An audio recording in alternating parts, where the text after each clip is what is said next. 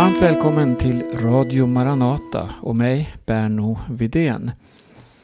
När vi läser Bibeln så finns det oerhört många spännande berättelser. Och vi ser också en röd tråd som går genom hela skriften, från början till slutet. Och den eh, har sitt fokus kring Jesus Kristus. Alltså från första Mosebok till Uppenbarelseboken så är huvudpersonen och budskapet som är värt att lyfta fram det är Jesus Kristus som blev människa, som föddes här på jorden, som blev allas tjänare, som led döden på Golgata kors och där tog han hela mänsklighetens synd på sig. Ja, det här är stort, det här är ofattbart. Men Jesus i sin död, han bar alla människors synder. Hur är det möjligt? Hur är det möjligt att en människa kan i sig själv bära hela den bördan, hela den tyngden som det här handlar om? Jo, det här är en del utav Guds plan för att frälsa människan. Eh, jag ska använda mig nu utav en förebild som vi har i Bibeln. Gamla testamentet ger oss många förebilder. Den pekar fram mot just det som hände på Golgata då Jesus i sin död bar din och min synd. Det här kan många förneka. Många kan säga att man inte tror på detta. Men hur som helst, också den människans synd bar Jesus upp på Golgata i sin kropp. Han tog dessa bördor, han tog det här giftet, den här fördömelsen. Han bröt sönder den genom sin död. Eh, I Gamla Testamentet och så finns det berättelser om eh, det judiska folket. Vi kan läsa om hur eh, Abraham, han var ju en man som blev kallad av Gud på ett speciellt sätt och han blev Israels stamfader. Alltså den första personen i det judiska folket. Och det är också en oerhört inspirerande historia. Att läsa hur Gud kallade honom och hur han mot alla odds, mot all eh, mänsklig logik, så kom han att bli en, en stamfader, trons fader. Och från Abraham kan vi sedan fortsätta historien och se hur det där eh, blir till ett folk då, det judiska folket. Abraham fick Isak, Isak fick Jakob, Jakobs tolv söner är sen eh, grunden då för de olika stammarna i Israel. Eh, jag ska hoppa fram i den här berättelsen och vi ser hur Israel kommer till Egypten. Då är det svår hungersnöd i landet och genom Guds omsorg så hamnar man i Egypten och där växer man till och blir till ett folk. Från de cirka 70 personer som, som kom till Egypten så går det nu 400 år och man har blivit till en nation men i exil. Man, vi kan läsa i Andra Mosebok om hur folket nu var cirka två miljoner personer. Eh, kung farao, Egyptens härskare, eh, har under den här tiden förslavat folket och man lider svårt där i Egyptens land. Och ropen stiger upp till Gud och Gud kallar på Mose som får ett speciellt uppdrag. Nämligen att föra folket ut ur Egyptens land. Och det här sker genom flera manifestationer där Gud manifesterar sig och faraos hjärta det förhärdas gång på gång.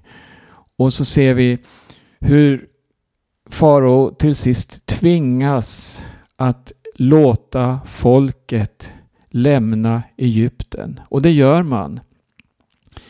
Allihop. Män, kvinnor, barn, djur, alla tillhörigheter och allting som man får med sig tar man nu och så lämnar man Egypten och tågar mot Röda havet. Och där sker ännu ett under. Gud öppnar vägen för Mose och folket att tåga rakt igenom havet till andra sidan. Man har alltså här sett Gud gav löften om att nu skulle man lämna Egypten och för att gå till det land som Gud hade lovat Abraham. Och nu var tiden inne för att man skulle ta hela landet i besittning. Nu var man den här nationen, det här folket. Och Guds löfte skulle uppfyllas nu. Man skulle komma till landet som det står flyter av mjölk och honung. Först skulle öknen passeras. Man har tågat igenom Röda havet, man har kommit in i öknen och nu kan vi läsa om hur folket prövas på olika sätt. Det blir svårigheter och vi går till Andra Moseboks sjuttonde kapitel.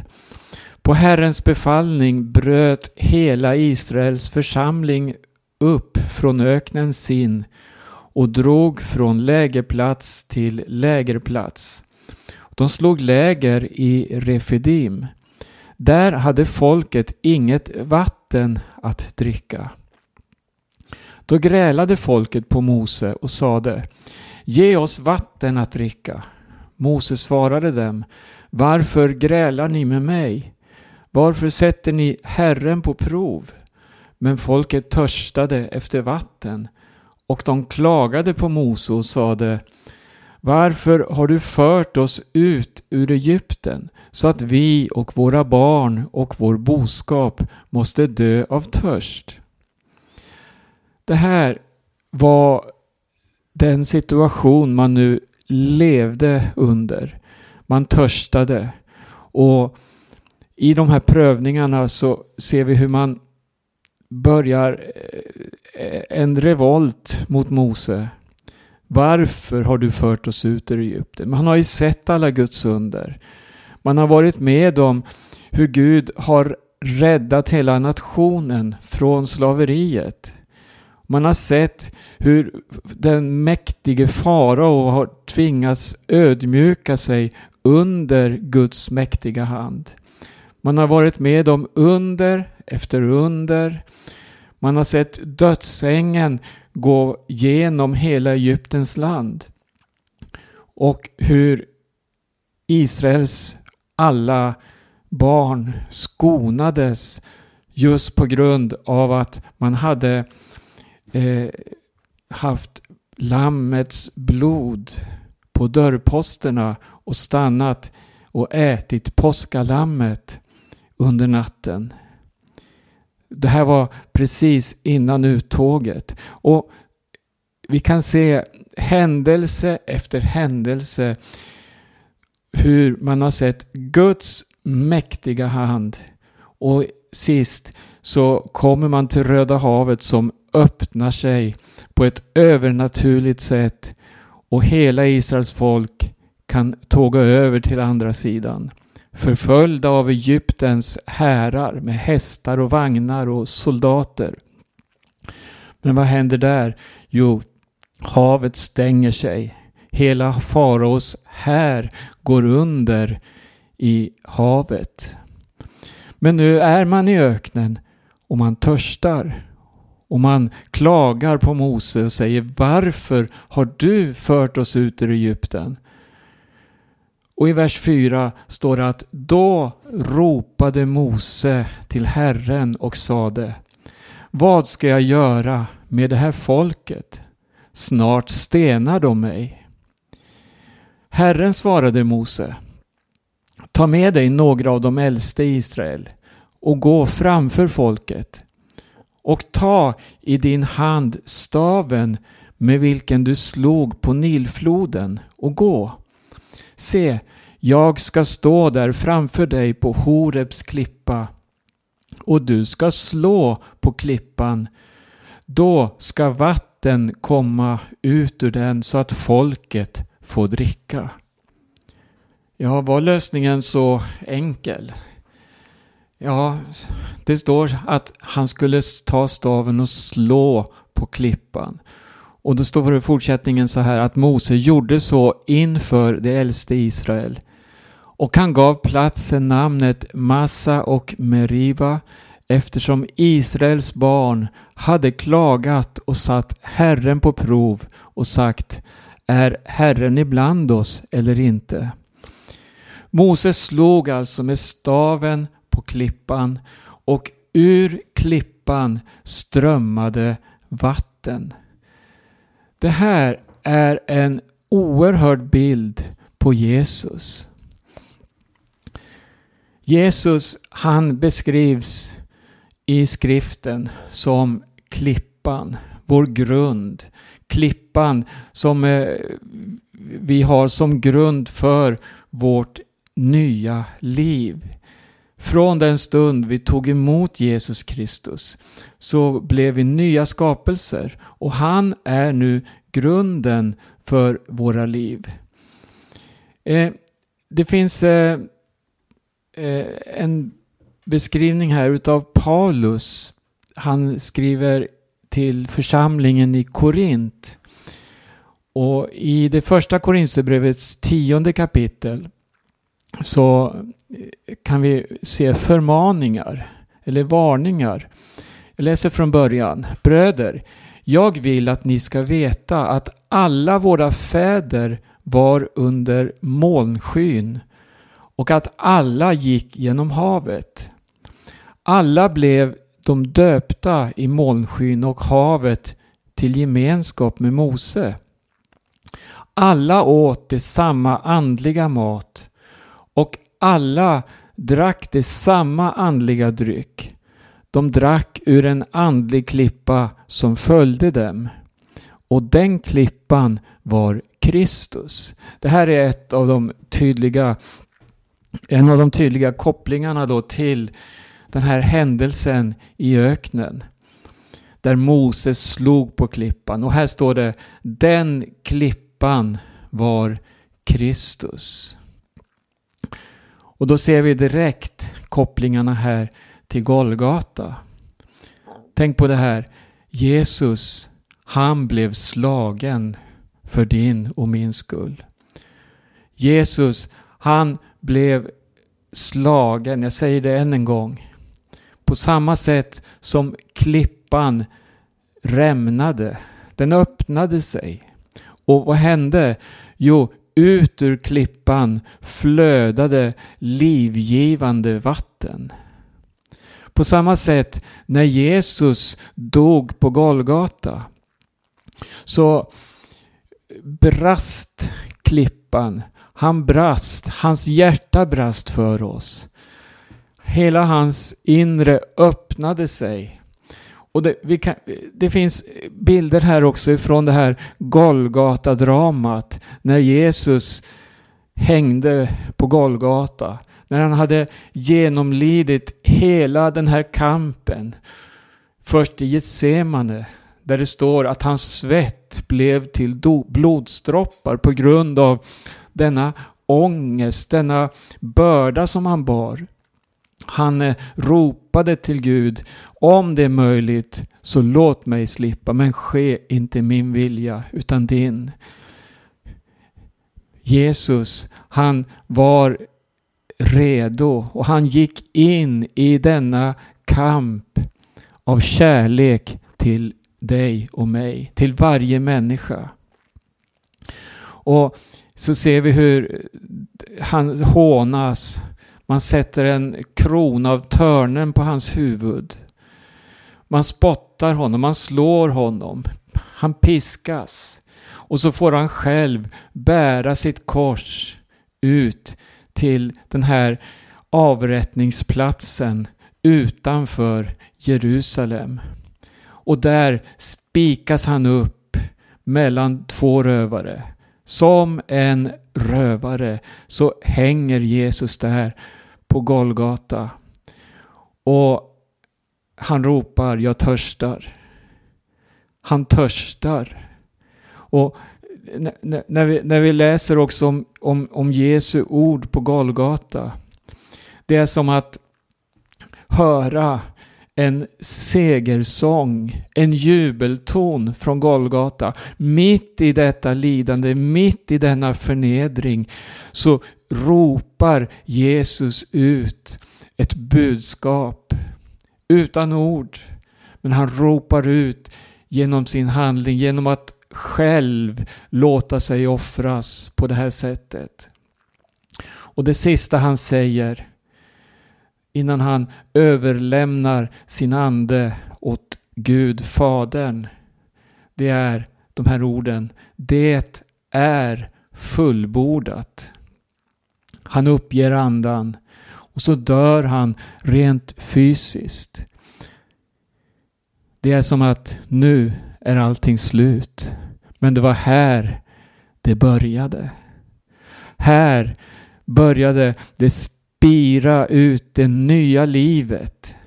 Det här livet som gör att varje människa som ser på Jesus, som blickar på honom, som tror på honom, som tar emot honom i sitt liv.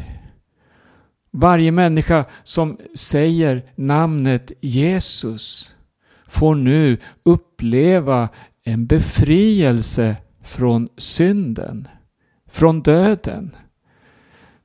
Ja, det är oerhört det här budskapet om försoningen, om Golgata.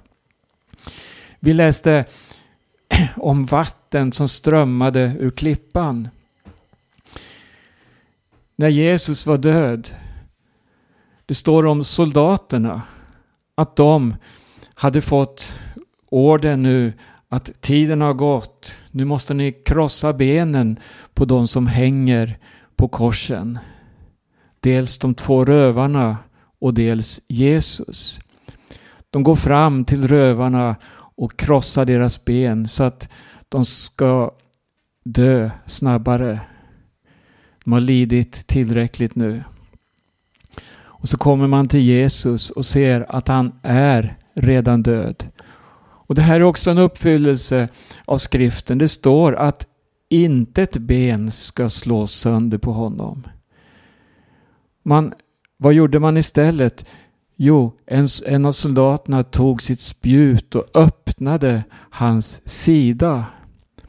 Och därifrån strömmade blod och vatten. Se bilden. Klippan som blev slagen för dig och för mig. Ur klippan strömmade det vatten. Livgivande vatten. Jesus han eh, visade under sin jordevandring vid flera tillfällen vilken, eh, vilken effekt detta levande vatten har.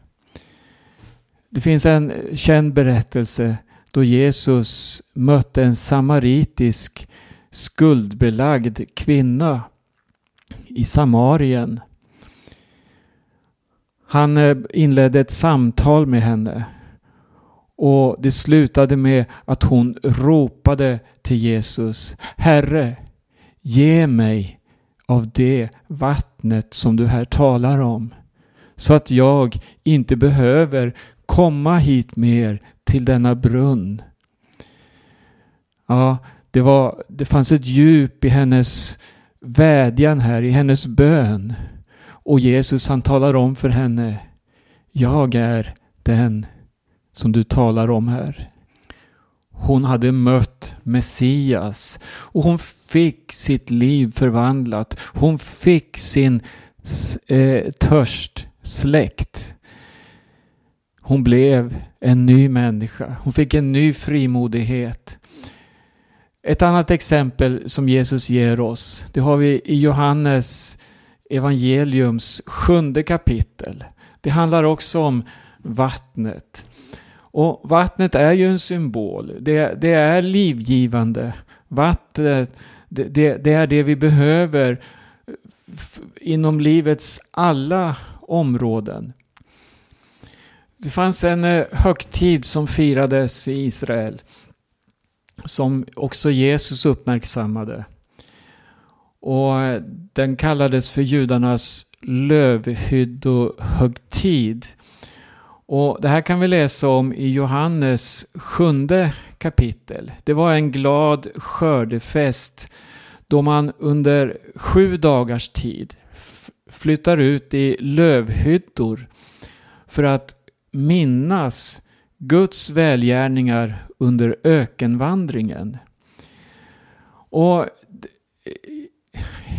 det blev en stor rörelse i Israel då och många drog upp till Jerusalem för att där vara med i den här högtiden och rent symboliskt för att visa på det levande vattnet så bar man vatten i krukor upp till en källa och så öste man det här vattnet i den här källan. Och Jesus han eh, kom också till den här högtiden. Men på ett eh, lite dolt sätt. Det står i det här kapitlet om hur judarna var ute efter att döda honom. Och så står det också om Jesu egna bröder, eller hans halvbröder då, i familjen med Josef och Maria. Att inte ens hans bröder trodde på honom.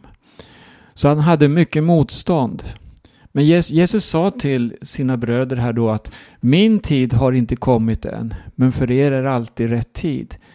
Världen kan inte hata er, men mig hatar den, därför att jag vittnar om att dess gärningar är onda. Gå ni upp till högtiden.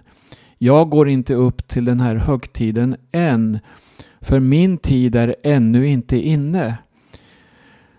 Ja, så drog hans bröder iväg. Men Jesus, han gick också dit i hemlighet. Och så kan vi läsa om hur judarna sökte efter honom under den här högtiden och frågade var han finns någonstans. Alla talade om Jesus. En del i det tysta och en del sa så här, han är god. Nej, andra sa han förleder folket. Ja, Jesus, han hade blivit en stötesten verkligen för många. Och så fanns det en rädsla kring Jesus. Man var rädd för hur judarna, alltså ledarskapet, skulle reagera om man på något sätt öppet visade sympatier för Jesus. Det var förenat med eh, hån och förföljelse att erkänna Jesus som Guds Messias. Ja, Jesus han gick i varje fall upp till den här högtiden. Och den pågick alltså i sju dagar och när halva den här högtiden redan var över, ja då gick Jesus till tempelplatsen och började undervisa. Och judarna blev förvånade och funderade hur han kan känna skrifterna, han som inte har studerat. Och Jesus han svarade så här i vers 16 i Johannes 7. Min lära är inte min, den kommer från honom som har sänt mig. Om någon vill göra hans vilja ska han förstå om min lära är från Gud eller om jag talar om mig själv. Och han fortsätter undervisningen. Dagarna går och ledarskapet, de gör vad de kan för att stoppa Jesus. De skickade eh, tempelvakterna efter Jesus för att de skulle gripa honom och föra honom till översteprästerna. Men de förmådde inte. De svarade så här då, aldrig har någon människa talat som han. Och eh, nu, nu ska jag använda de sista minuterna här för att eh, knyta åter till det här budskapet om det levande vattnet. För att under den här högtiden, då man tycker att alla andliga behov, alla inre behov, den här törsten som människor bär på, den borde ju vara tillfredsställd nu. Men inte. Utan på den sista och den största dagen i den här högtiden, lövhuddehögtiden, då stod Jesus där och så ropade han. Det står så här i Johannes 7 och 37. Om någon är törstig, kom till mig och drick. Den som tror på mig, som skriften säger, ur hans innersta ska strömmar av levande vatten flöda fram. Vad menar Jesus? Var det inte tillräckligt det som den här högtiden erbjöd? Man öste ju vatten, man läste eller sjöng ur, ur Jesaja där det står med fröjd ska ni ösa vatten ur frälsningens källor.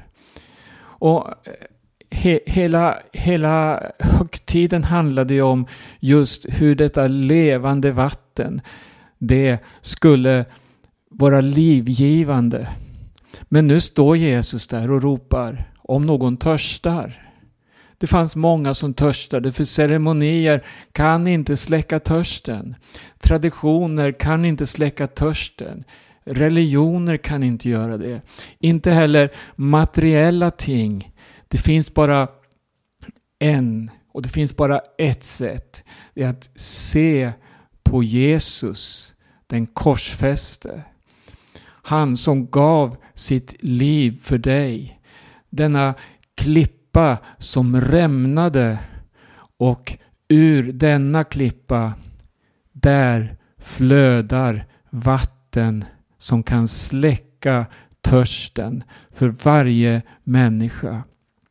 Och det är det budskapet vi vill förmedla i, i de här programmen.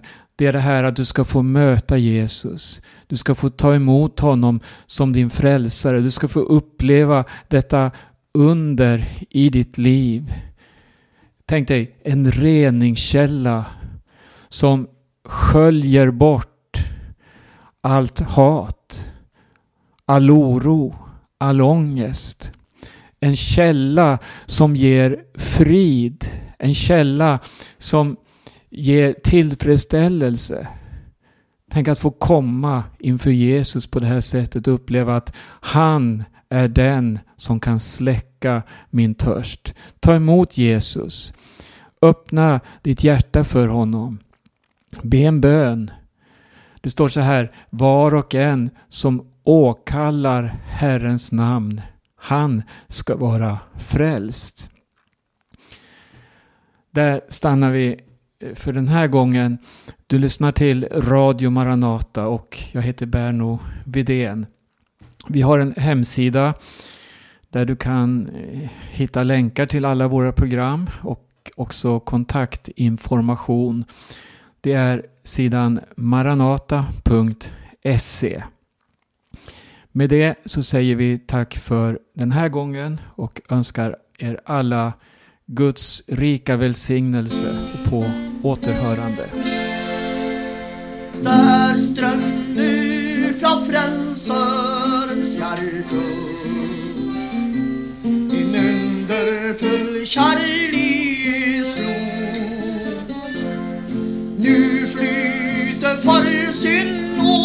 för smärta hans rene och helige blod. För dig har